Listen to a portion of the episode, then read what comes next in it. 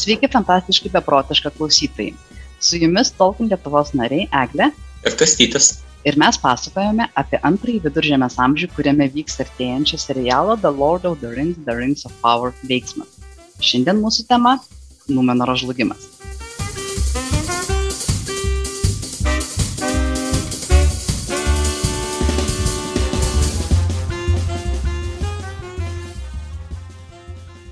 Numenoro žlugimas yra, mm, kaip tikrai neturėtų būti keista, susijęs su blogo valdovu Sauronu, apie kurį jau kalbėjome ankstesnėse serijose. Ir e, paskutinėje e, šios tinklalaidės serijoje užbaigėme tuo, kad įvyko karas tarp e, Saurono ir Elfų.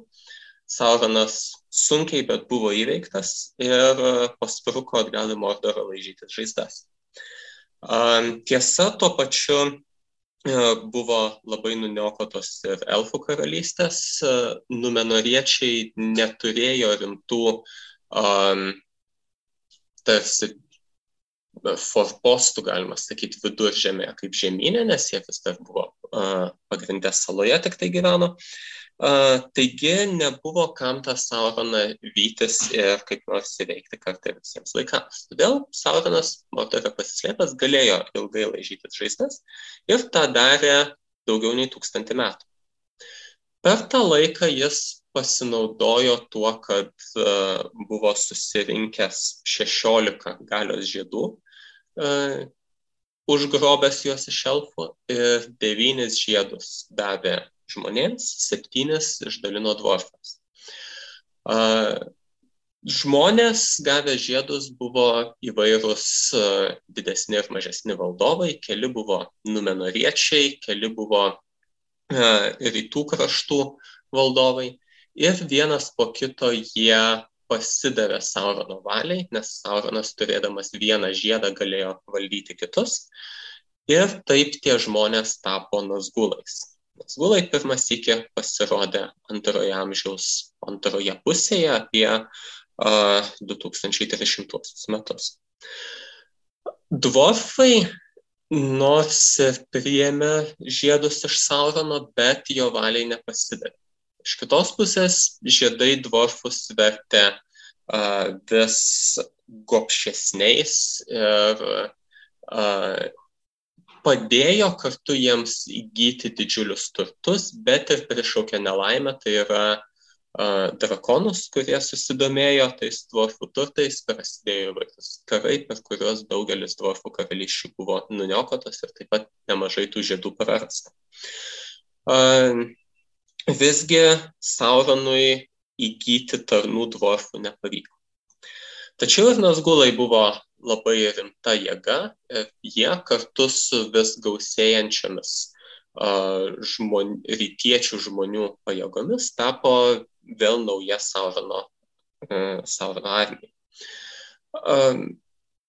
Apie 3000-uosius, gal šiek tiek vėlesnius metus, Sauronas pradėjo vėl kelti galvą. Tai yra pusantro tūkstančio metų praėjus po um, karo tarp Saurono ir Elfų, Sauronas vėl ima kelti galvą kaip didžiulę karinę galę ir apsiskelbia pasaulio valdovu. Tas titulas jis na, įžeidė numenoriečius, kai jie tą išgirdo ir dėl to numenoriečiai ėmėsi veiksmų, kad Sauroną sustabdytų. Bet tam, kad suprastume, kodėl ir kokių tų veiksmų numenoriečiai imasi, mums reikia pagalvoti, susipažinti, kas vyksta Numenore tuos pusantro tūkstančio metų, na ir netgi dar ilgiau nuo tada, kai paskutinį sykį apie Numenorą kalbėjome. Uh, ir Nilde, perduosiu žodį tau. Taip, tai ilgus amžius Numenoras gyvena klėstėjime ir gerovėje, tai yra gyventojai jo yra ilgamžiai, jų nekankina lygos, jų nekankina skurdas, viskas, ko reikia, yra toje saloje, kad e, jie galėtų kurti klestinčią civilizaciją, tobulinti savo kultūrinius, mokslinius, techninius ir, ir kitokius pasiekimus. Jų valdovai iš, e, yra iš vis dar labiau ilgamžiai, tai yra kelias šimtus metų. Pirmasis gyvena nugyvena 500 metų, kiti paskui vis iš kartos į kartą gyvena vis trumpiau, tačiau vis tiek tai yra ilgamžiai valdovai, žodžiu, stabilus, ramus, taikus, klestintis kraštas ir atrodo nieko jiems neturėtų trūkti.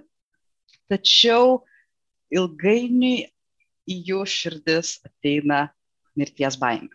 Nepaisant tokio ilgo ir gražaus gyvenimo, vis dėlto jie pradeda bijoti mirties ir ypač karališkose šeimose, kurios vis dėlto yra kilusios iš elfų ir kadaise jų protėvis Elrosas, tapęs Numenoro karaliumi, pasirinko būti žmogumi ir pasirinko žmogaus likimą ir reiškinį neišvengiamą mirtį, o ne amžiną jaunystę ir amžiną gyvenimą, kurį galėjo pasirinkti, jeigu būtų pasirinkęs el, e, būti elfu.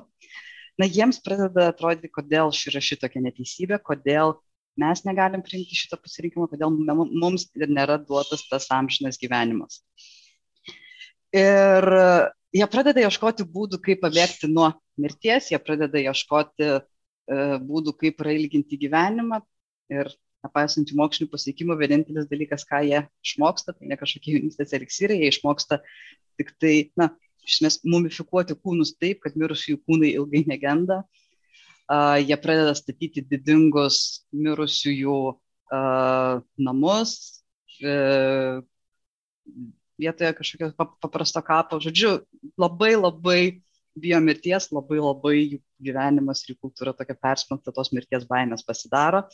Ir čia yra viena, vienas iš tų vietų, kur matosi, kad ko gero Tolkienas truputėlį įkvėpimo numenori pasisėmė iš Egipto su jų piramidėmis, mumifikuotais dieviškos kilmės faraonais. E, ir, na, e, taip pat e, Taip pat, ko gero, turim, aišku, šitoje vietoje paminėti ir tą, kad jie gyvendami Numenorė yra gan arti Amano, kuriame gyvename tos pasaulius sutvėrusios galios, valarai, valai. Ir ten gyvena valarai, nemirtingos būtybės, ten gyvena elfai, kitos nemirtingos būtybės. Ir tas kraštas iš vis yra toks palaimintas, šventas, nemirtingųjų kraštas ir jiems į tą kraštą keliauti yra draudžiama. Netgi plaukti labai toli vakarų kryptimi, to žemyno kryptimi, jiems yra draudžiama. Na ir čia turbūt visi suprantam, kad jeigu yra pasakojime kažkoks yra duotas draudimas, tai neišvengiamai prieisime prie to, kad kažkaip tai tas draudimas bus sulaužytas. Kaip Biblijos tas užgintas vaisius be abejo turi būti nuskintas ir suvalgytas, taip ir šitą, šitą be abejo žmonės turės padaryti. Ir kodėl jiems yra draudžiama keliauti į Amaną, kodėl jie negali apsilankyti palaimintose žemėse, mes sužinome, kai pas Numenoro karalių apsilanko elfų pasiuntiniai, kurie ir paaiškina tą, kad taip, nors tai yra kraštas, kuriame gyvena nemirtingieji, tai nėra e, kažkoks stebuklingas kraštas, kurį pasiekęs tu pats tampi nemirtingas. Ne žemė, kurioje tu gyveni, tą padaro, o tos nemirtingos būtybės, būdamos nemirtingos, daro tą kraštą ypatingą.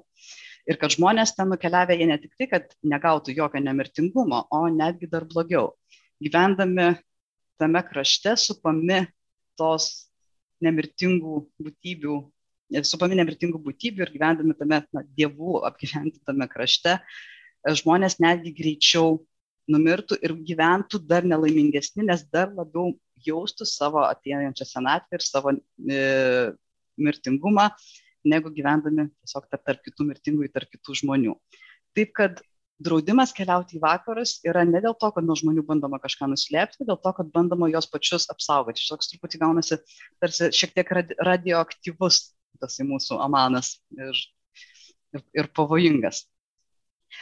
Bet e, šitas paaiškinimas iš elfų ateina galbūt jau per vėlai, o galbūt na, tiesiog yra labai labai nepriimtinas ir jisai iš tikrųjų mažai padeda. Ir po truputėlį atsiranda susiskaldimas tarp numenoriečių. Vieni yra iš jų tokie, kurie priima savo likimą, priima valarų ir elfų mokymą ir bando su to mintim susitaikyti, tą priimti, o kiti nusi, pradeda nuo to nusigręžti ir pradeda kažkaip vis tiek bandyti galvoti, kaip gauti nemirtingumą arba, jeigu netapant, tai vis tiek kaip kažko, kažko tarsi bando tą kompensuoti, na ir čia jau jie truputėlį pradeda skęsti į tamsą ir, gyvenim, ir jie gyvenime, nepaisant to, kad gyvena tokiam gražiam, puikiam krašte, jie pradeda jaustis nelaimingi. Uh, nusigrėžimas tas nuo valarų ir nuo elfų eina labai palaipsniui ir labai per ilgus, ilgus šimtmečius. Uh, ir na, kartais tiesiog iš, iš, iš iš, išlenda tokie akibrokštai, kaip, pavyzdžiui, vienas iš karalių, Adunakoras, tapęs, paėmęs, perėmęs iš savo tėvo skeptrą ir tapęs valdovu, e, karališką įvardą savo pasirenka, kuris reiškia vakarų valdovas, kas iki tol buvo manvės, vieno e, viršiausiojo valaro titulas. Taip pat pradeda jie atsisakinėti e, elfų kalbos, kuri šiaip jau buvo kaip ir na, tokia kaip valstybinė kalba, karalių valdai būdavo elfiški, užrašai tikriausiai buvo elfiški. Uh, einant dar tolyn, jie pradeda iš vis nutraukinėti ryšius su elfais, elfai pasidaro nebepriimti, ne, ne, jų nebelaukia apsilankančių, jų nebepriima. Uh, ilgainiui ne tik, kad atsisako kalbos, bet pradeda kitiems drausti kalbėti elfų kalbomis ir tik tai jų žmonių kalba lieka priimtina. Ir, ir, ir baltasis medis, kurį kadaise jie iš elfų gavo dovanų ir kuris auga karaliaus e, dvare e, ir apie kurį yra sakoma, kad kol tas medis, vėliau bus pasakyta pranašystė, kad kol tas medis auks tol šitą Numenoro karalių dinastiją klestės, tai tuo medžiu nustoja rūpintis nes na čia elfų dovana ir be abejo yra nepageidaujama. Uh, tai, uh, na, šitas, šit, šitaip reiškiasi tas uh, pas juos toks nepasitenkinimas uh, elfais ir visų elfų mokymu, bet to pačiu na, atsiranda pas juos tas toks godumas. Jie anksčiau viduržėme keliaudavo, susitikdavo su viduržėmėje gyvenančiais žmonėmis ir dalindavosi su jais savo gerybėmis, dalindavosi su jais savo žiniomis, o tada jau jie ima elgtis kitaip, jie pradeda norėti užgrobinėti ir užvaldyti ten esančias žemės, pradeda iš ten vežti jų e, viduržėmėje surinktą turtą, vežtis į Numenorą. Žodžiu, atsiranda tas toks godumas e, ir išnaudojimas kitų žmonių. Ir galų gale prieiname prie to, kad na, vienas iš karalių, kuris visiškai nuo visko atsimeta, susilaukė dviejų sunų.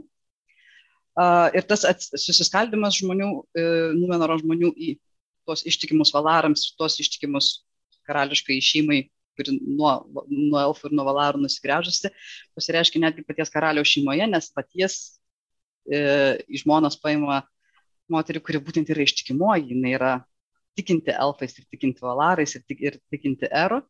Ir jie susilaukė dviejų sunų, kurie yra visiškai skirtingi. Vienas grinai kaip tėvas, kitas grinai kaip motina. Ir tas jaunėlis sunus, Tarpalantiras, jo vardas reiškia toliregintį, jisai buvo uh, labai toliregiškas, labai iš, išmintingas, matantis, dabar susivokintis, kokios pasiekmes bus. Hmm? Jis kaip tik ne jaunėlis, jis vyresnysis. Teisingai, vyresnysis. Taip, taip, taip. Jis yra vyresnysis sunus ir jis taip tampa karaliumi, nors jo tėvas būtų norėjęs jaunėlį sūnų, e, sūnų padaryti valdovą.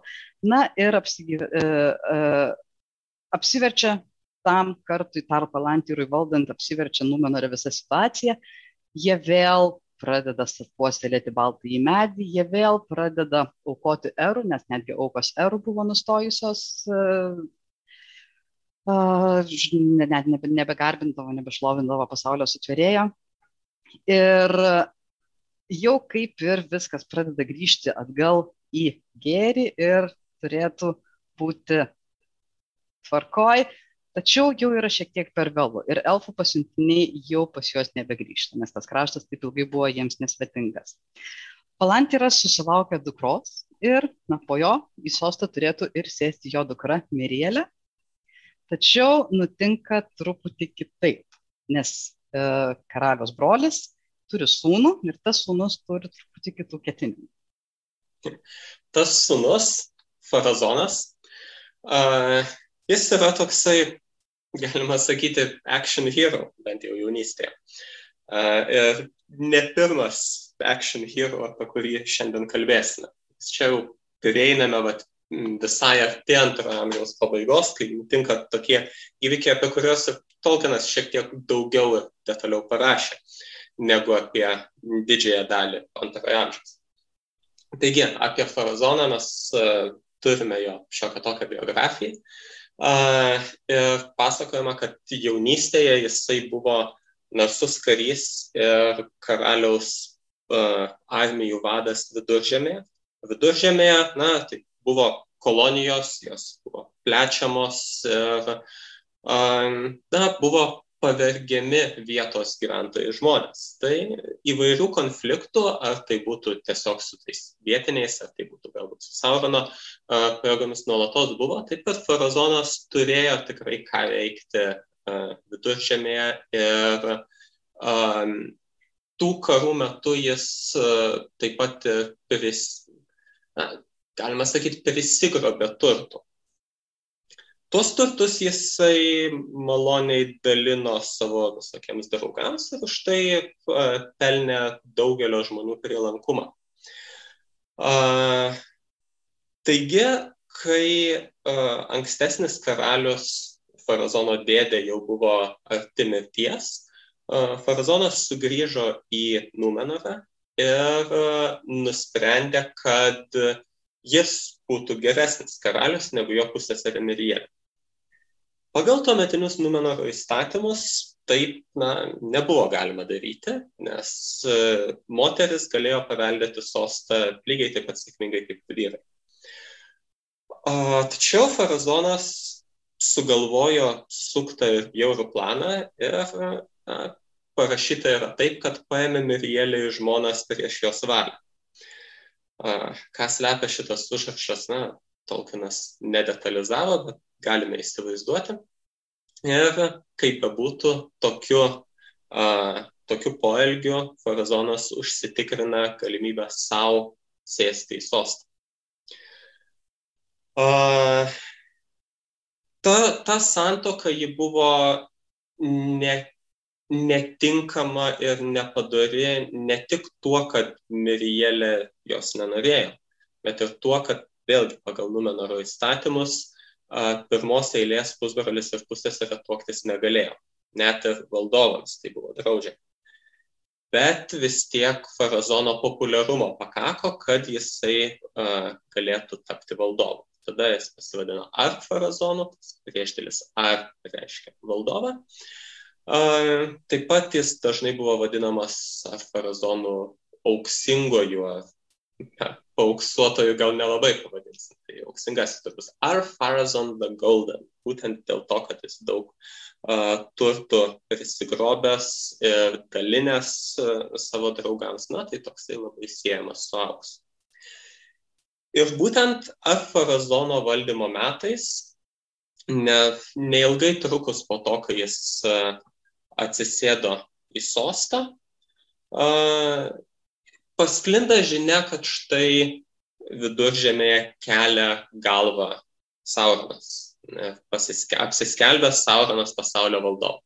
Ar farazonas jokių būdų šito negali leisti. Nu, čia didžiausias įžeidimas jo savimeiliai, kad kažkas kitas dedasi esas pasaulio valdovas, kaip visi žino, kad Numenoras yra galingiausia šalis visame pasaulyje ir vieninteliai pasaulio valdovai galėtų būti yra Numenoras. Taigi, Farazonas surenka uh, didžiulę armadą, uh, didžiulį laivyną, didžiulę kariuomenę ir išplaukia į viduržėmę, kur uh, eis kariauti su Sauronu. Uh, išsilaipina viduržėmėje, juda Mordoro link ir šaukliai plekia į priekį, kurie skelbia žinę, kad Sauronas tegul išlenda ir prisiekia ištikimybę ar farazonui, nusižemina jam, nes kitaip bus sunaikintas. Sauronas pamato, kad e, Numenoro armija tikrai yra didžiulė ir Saurono pajėgos, net jeigu gal ir skaitlingesnės, jos tikrai nėra uh, tiek disciplinuotos, tiek galingos, tiek gerai aprūpintos, kad galėtų kovoti su tokia karinė gale. Ir Sauronas būtent tą ir padaro, ko iš jo reikalaujama. Išeina priešais Aparazoną, nusilenkia jam ir prisiekia ištikimybę. Ir tada Sauroną numenariečiai išsigabena į Numenarą. Kas nutinka tada? Nilde. Tai Numenoras Sauronas, uh, kuris jau tada nekentė Numenariečių ir turėjo tos kėslus, kad na, jam nepavyko užvaldyti, pavergti savo valiai elfų, bet jisai dabar jau nori pavergti savo valiai žmonės. Uh, kai jau jisai pamato, koks gražus ir galingas Numenoras, uh, dar labiau pradeda jiems pavydėti, dar labiau pradeda jų nekesti. Na ir būdamas klastingas, jisai be abejo sugeba, moka manipuliuoti žmonėmis, moka pajungti juos savo valiai. Ir jis ima mylikauti karaliui ir greitai pelno jo palankumą. Taip pat Sauronas vis dėlto turi na, tą neįkainojamą dalyką, jis iš tikrųjų būdamas majaras, būdamas vienas iš, irgi iš tų pasaulio sutvėrusių galių, uh, turi neįkainojamas žinias, kuriamis pradeda irgi su jais dalintis. Ir šitaip jisai netrukus per trejus metus iš įkaito kalinio tampa karaliaus patikėtiniu ir patarėju. Karalius, kaip turbūt yra įprasta daugelie karalysčių, turi savo tarybą e, iš keletą patikėtinių na, ir Sauronas yra ją priimamas. Ir visi kiti karaliaus patarėjai irgi pataikauja Sauronui ir nori jam įtikti, matydami jo įtaką, išskyrus vieną, Amandilą, kuris yra Andunijos vakarinio Numenor uosto valdovas. Pats Amandilas irgi yra kilęs iš karališkosios giminės, kadaise viena iš karaliaus dukrų nuteka į tą giminę ir, ir na, jis irgi yra karališkosios giminės palikuonis realiai. Uh, ir Amandilas ilgai karaliaus toje taryboje neįsilaiko. Jis yra vienas iš nedaugelio ištikimųjų, kuris nepaisant to, kad uh, viešai visą laiką buvo ištikimasis ir to neslėpė, ištikimasis elfams ir valarams, uh, tačiau jo įtaka yra tokia didelė, kad karalius netgi jo nedryso tuomet, nedryso jo neįtraukti į tą savo tarp savo patarėjų savo tarybą. Tačiau šitoj vietoj, kai jau Sauronas tenais gale ateina, Amandilas iš ten pasitraukia. Na, o Sauronas per tos keliarius metus e, moko žmonės, dalinasi jais savo žiniomis ir dalinasi su juo melais apie Morgotą, apie Melkarą. Iš tiesų tie, tie melai netgi, galima sakyti, tampa nauja religija kaip seniau Numenoro karalystės jaunystėje ir galios žydėjime žmonės ten garbino Erų kaip pasaulio sutvėrėją. Bet tas garbinimas pasireikšdavo na, palyginus nedaug to garbinimo. Buvo, buvo pagrindinės kelio, tris kart per metus šventės, kai karalius su svita užlipdavo ant kalno ir tenai uh, tiesiog žiūrėdavo į vakarus. Uh, Morgo, Sauronas Morgoto kultą suformuoja žymiai panašesnį į, na, galima sakyti, senovinės mūsų pasaulio religijas, bent jau kai kurias. Uh, tai yra ir stabmeldystės elementų, ir būtent tokios organizuotos religijos su šventyklomis, su aukomis. Tos aukos uh, ilgainiui tampa net ir žmonių aukomis, tai yra įvairūs um, iš esmės politiniai kaliniai deginami aukojant Morgotui. Ir už viso to slepiasi ir, uh, na, visą tai skatina Saurono mokymas, kad pasaulį iš tiesų sutvėrė Morgotas, jis sutvėrė pasaulį iš pirmykštės tamsos, kurioje pats dabar gyvena, kas beje yra tiesa, nes Morgotas ištrentas už pasaulio ribų ir gyvena tamsoje. bet, na, toli gražu ne Morgotas sukūrė pasaulį. Tačiau Sauronas aiškina, kad valarai yra tik tai prasisiekeliai, kurie sukūrė tokią erų idėją, kad galėtų pateisinti savo uh, vadovavimą uh, pasauliu ir savo priespaudą netgi. Um, tačiau atnašaudami aukas Morgotui, numenariečiai gali tikėtis pasiekti tam žinai gyvenimą. Tuo tarpu vakaruose pasak Saurono, yra daugybė jūrų ir žemių, kurias irgi būtų galima užkariauti num, didesniai Numenoro šlovai. Tuo tarpu visus um, ankstesnės religijos valų ir erų garbinimo požymius Morgotas tengiasi sumenkinti, panaikinti ir pašalinti. Na, lipimo ant Meneltarnos per šventes nebelieka. Menatarma, tai aukščiausias kalnas salos centre, tačiau na, jos išniekinti Sauronas dar nedrįsta, bet bent jau apleidžia, kad žmonės tenai nedalyvauja. Taip pat Sauronas labai ragina nukirsti baltąjį medį, kuris per visus tūkstantmečius augo ir yra na, susijęs, galima sakyti, su karališkąja Numenoro giminė. Um, Tačiau uh, tą padaryti karalius Arfarazonas dvėjoja. Ilgą laiką dvėjoja būtent dėl tos pranašystės, kad uh, kol medis bus gyvas, tol bus gyva karalių linija. Visgi galiausiai pasiryšta ir priima sprendimą nukirsti, bet tik dėl na, gal ne tik dėl to, bet tai paskatina ir dar vienas nutikimas, kur prieiname prie dar vieno mūsų action hero šios serijos. Taip, Izilduras. Ši čia pasirodo senas Izilduras, kuris tuo metu dar yra labai labai jaunas, jaunas jaunuolis ir Baltąjį medį mes turbūt labai gerai atsimenam iš Žeduvodovo filmų, kaip Gondoro herbe pavaizduota ir kuris filmo pabaigoje, trilogijos pabaigoje pražįsta vėl iš naujo. Tai tas baltasis medis esantis Gondore yra tiesiogiai iš to Numenoro persodintas ir kaip tas nutinka.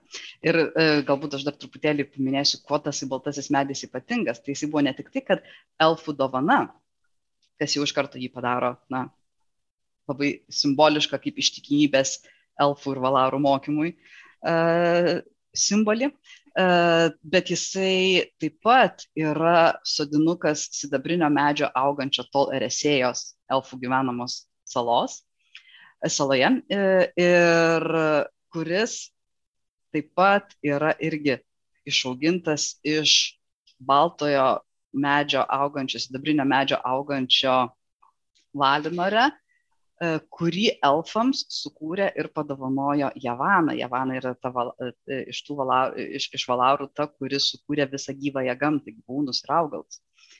Ir jinai sukūrė tą sidabrinį medį elfams ir jį padovanoja kaip atspindį, atvaizdą Telperijono medžio. O Telperijono medis yra vienas iš tų dviejų medžių, kurie augo Valinore ir buvo pirmieji, pirminiai šviesos šaltiniai prieš atsirandant Saulė ir Menuliui žodžiu, sidabrinės šviesos medžio kaip ir vaizdinys buvo medis padovanotas elfams ir iš jo buvo išauginti kiti medžiai. Ir vienas iš tokių buvo pasodintas uh, Numenorė, nu, tai jis toksai tikrai sakralus medis, ir, o ne tik tai simbolis. Ir Amandilas, mano jau minėtas Amandilas, uh, sužinojęs planus nukirsti baltąjį medį labai labai selvartauja Ir apie tai jisai pasikalba su savo sunumi Elendeliu ir su savo anūkais, iš kurių vienas yra Izilduras.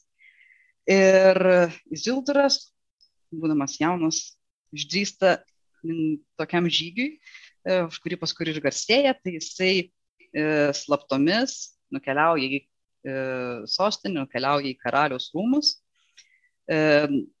būdamas ištikimasis, jis iš tikrųjų na, buvo, visiems ištikimiesiems buvo uždrausta tenais lankytis, tačiau jisai e, slaptom įsigauna į rūmus, prieina prie medžio, kuris na, Sauronui jau bandant, bandant visus įkalbėti tą medį nukirsti, tą medį saugant sargybiniai dieną naktį, tačiau tamsoje jisai ten įsigauna, prasmunka pro sargybinius ir nuskina medžio vaisių.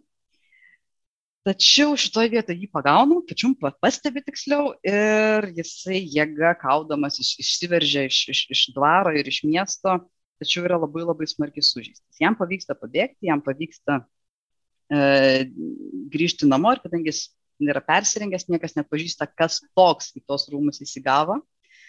Ir grįžta jisai namo, perdoda Amandilui e, tą vaisių, kurį jie pasodina ir iš vaisiaus išdyksta daigas.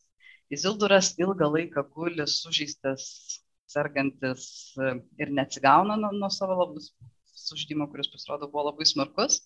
Ir tik tai, kai iš, išsproksta iš to vaisiaus išaugusio uh, augalo pirmasis lapelis, tik tai tada Izilduras ir pasveiksta. Tas jo pasveikimas irgi toks tiesiogiai susijęs su medžiu ir, ir truputėlį magiškas. Gerąją prasme, tos baltosios gerosios elfiškos magijos prasme. Ir pasirodo, jis pačiu laiku tą padarė, nes po to jau iš karto medis yra nukertamas ir Sauronas jį sudegina tos savo baisios juodos šventyklos e, viduje ant altoriaus ir medžiui degant po visą nuomonę yra pasklinda siubingi juodi dūmai. Na, irgi an omen. Žinos, kas laukia toliau. Žinos, kaip žalę medieną deginti. Na, jo, tas irgi. Um, gali būti, kad dar farazonas uh, sutiko ar pasiryžo tą medį nukirsti būtent dėl to, kad sužinojo, jog kažkas pavogė vaisių, nes mm. galbūt dar kažkokia jo dalis vis tiek tikėjo ir tą pranašystę ir galvojo, kad tas medis yra svarbus, tai vat kai vaisius paimtas, kažkur paslėptas, tai dar yra šansų, kad medis išliks, na kad medžio linija išliks. Ir... Ar farazonas bando dvigubą žaidimą žaisti? Taip, šiek tiek apsidrausti, kad o jeigu čia vis dėlto Sauronas neteisus, tai gal būtų gerai dar kažkiek apsidrausti. A, bet Saurono įtaka niekur nedingsta, farazonas, ar farazonas jo klauso ir ruošiasi puolimui į vakarus. Sauronas pirmoko numenoriečius, kaip statyti dar geresnius laivus. Netgi yra minimas žodis engines, kas gali reikšti variklius, nors greičiau turbūt tai reiškia uh, siege engines, tai yra apgulties priemonės, galbūt katapultas, ar taranus, ar ką nors panašaus, ką tuose laivuose įtaiso, kad galėtų kovoti su vakarų valdovu, tai yra valų, na ir ten gyvenančių elfų armijomis. Kai apie pačią armadą pasakoja, tai tikrai kalba apie laivų būres ir kalba apie tai, kad labai daug vergų jie turėjo e, pasodinti prie irklų tų laivų. Tai kaip ir netrodo, kad buvo varikliais varomi laivai. Taip, ma, bet... matyt, kad ne varikliais, bet e, čia gali būti tokia dviprasmybė išlikusi iš e, ankstyvosios Tolkieno kūrybos, nes čia vienas man tikrai labai įstrigęs ir labai patinkantis elementas, kad a, pirmosiose istorijose apie Numenarą, kurias Tolkienas rašė apie 1930 metus, a, ten kaip tik minima yra, kad numenoriečiai tą savo salos gyvavimo pabaigą praktiškai pasiekė pramonės perversmą ir ten jau tikrai minima, kad laivai buvo su varikliais ir su krosnėmis ir iš jų kaminų besiveržiantis tamsus dūmai užtemdė saulę, na žodžiu, garlaiviai tai buvo. Dar vėliau paminima ir apskritai, kad skraidantis laivai buvo išrasti, bet vėliau šitų tokių, galima sakyti, stimpankiškų idėjų Tolkienas atsisakė ir tai, ką randame, tarkim, Silmarillione ar Unfinished Tales, tai yra vėlyvosios kūrybos stadijos tekstuose, tai tenai jau parašyta yra iš esmės tik tai apie a, galingus laivus, bet tai vis tiek yra burlaiviai arba irklais varomi laivai.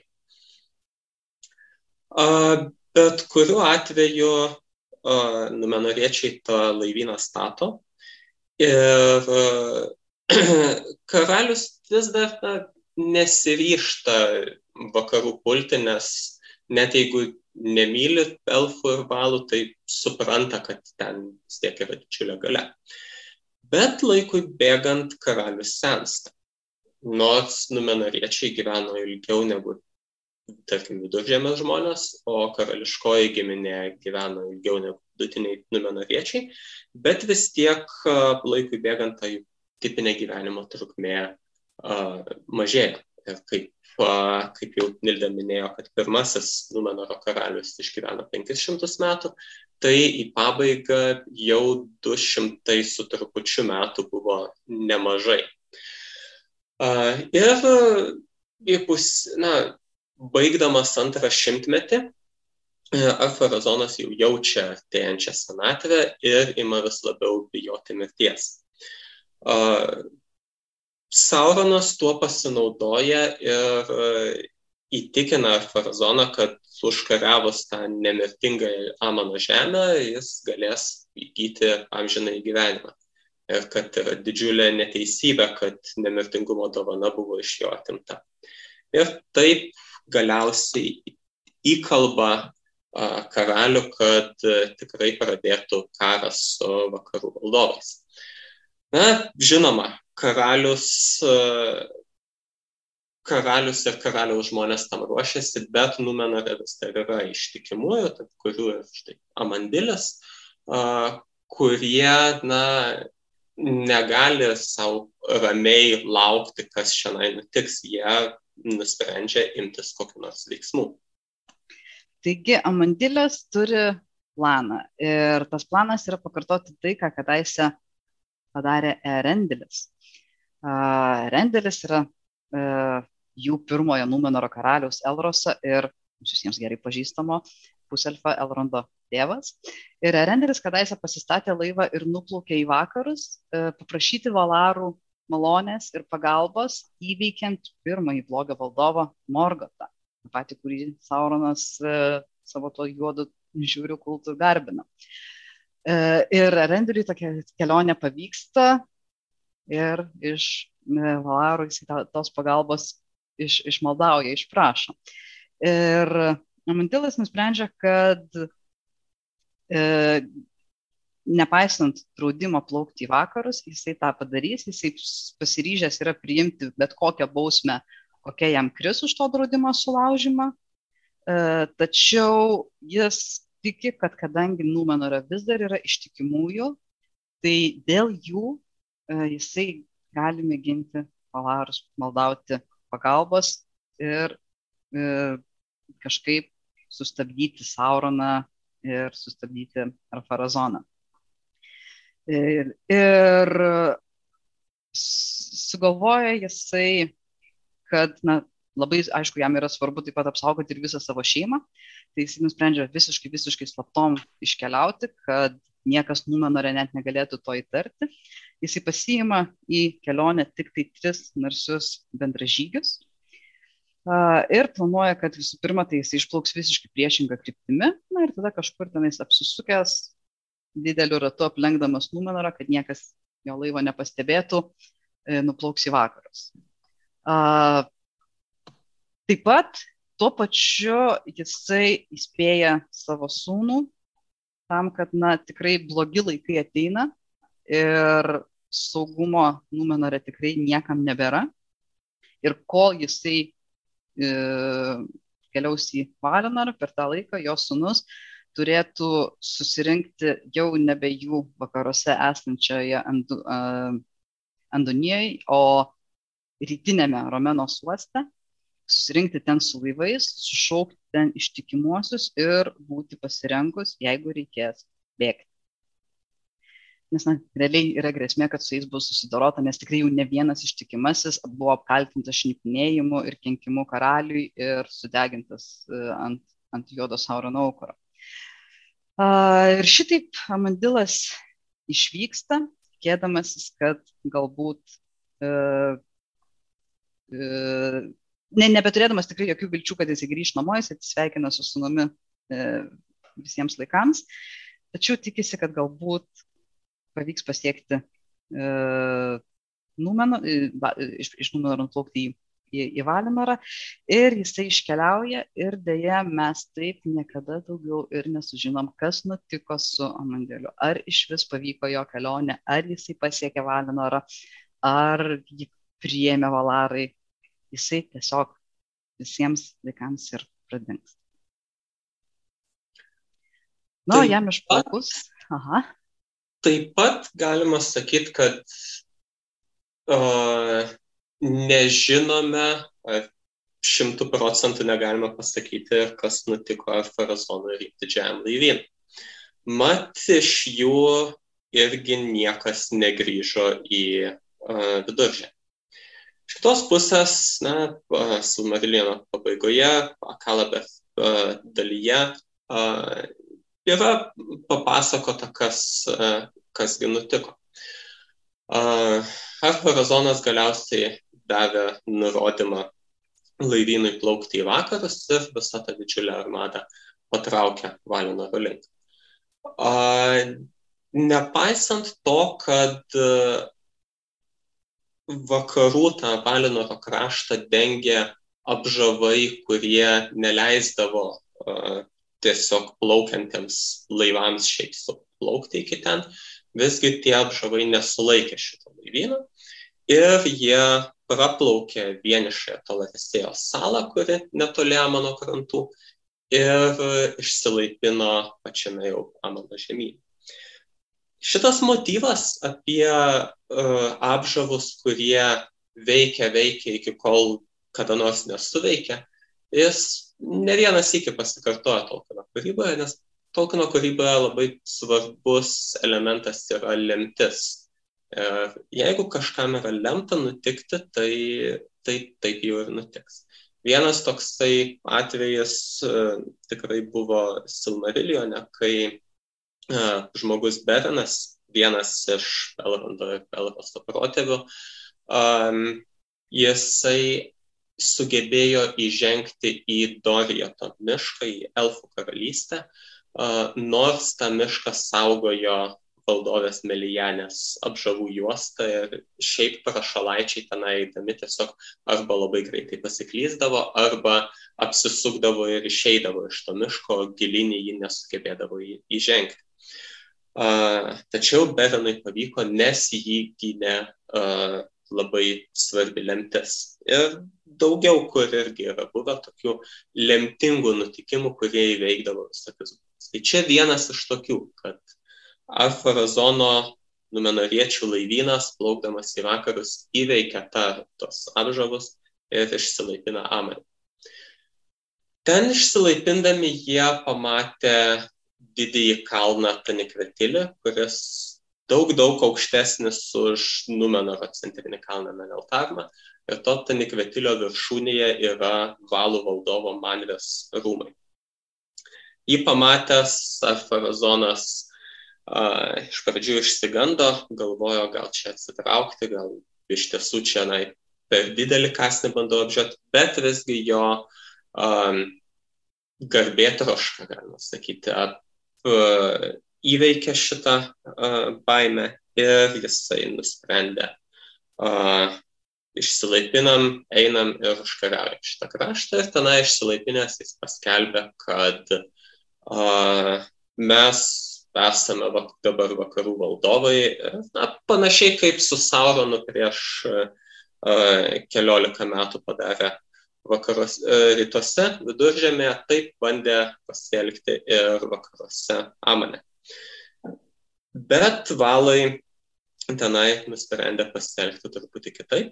Tai yra um, nueiti pas Eru, na, nueiti, gal. Kreiptis į Eru. Taip, kreiptis mhm. į pasaulio sutvėrėją ir atiduoti tą pasaulio valdžią, kuri jiems buvo suteikta pasaulio sutvėrėjai atgal. Na, valai tai yra tarsi angeliškos būtybės Ir tos angeliškos būtybės, kurios kaip ir prižiūrėjo pasaulį, jos atiduoda savo valdžią ir sako, Eru, mes nebesusitvarkom, padėk mums. Ir Eru jiems padeda. Ir čia staiga pasipila toks visiškas kataklizmas prasideda.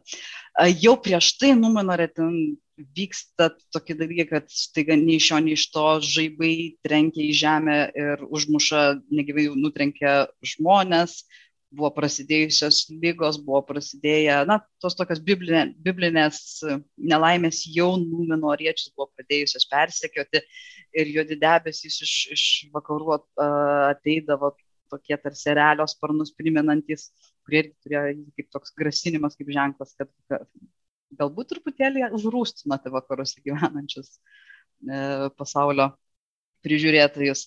E, bet šitoj vietoje, kai jau eurų perima valdžią, tai e, vyksta tai, kas dar nebuvo įvykę. Ir e, prasiveria didžiulis plyšys jūroje, jį plūsta vanduo, e, pasaulį, per visą pasaulį nusirita drebėjimas ir visas Numanoro laivynas su, su, su jūros vandenimis prasmenga į tą bedugnę. O ten, kur krante yra išsilaipinęs Arfarazonas ir jo kariai, kalnai tiesiog griūna ant jų ir jie lieka kalnuose įkalinti. Irgi pasak legendos, pasak pranašyščių, jie liks ten įsikalinti iki paskutinio mūšio ir, ir pasaulio pabaigos. Ir Amanas, Amano žemė, kurie gyvena Valarai ir tol Eresėjo sala, kurioje gyvena e, didelė dalis elfų, jie iš pasaulio dinksta.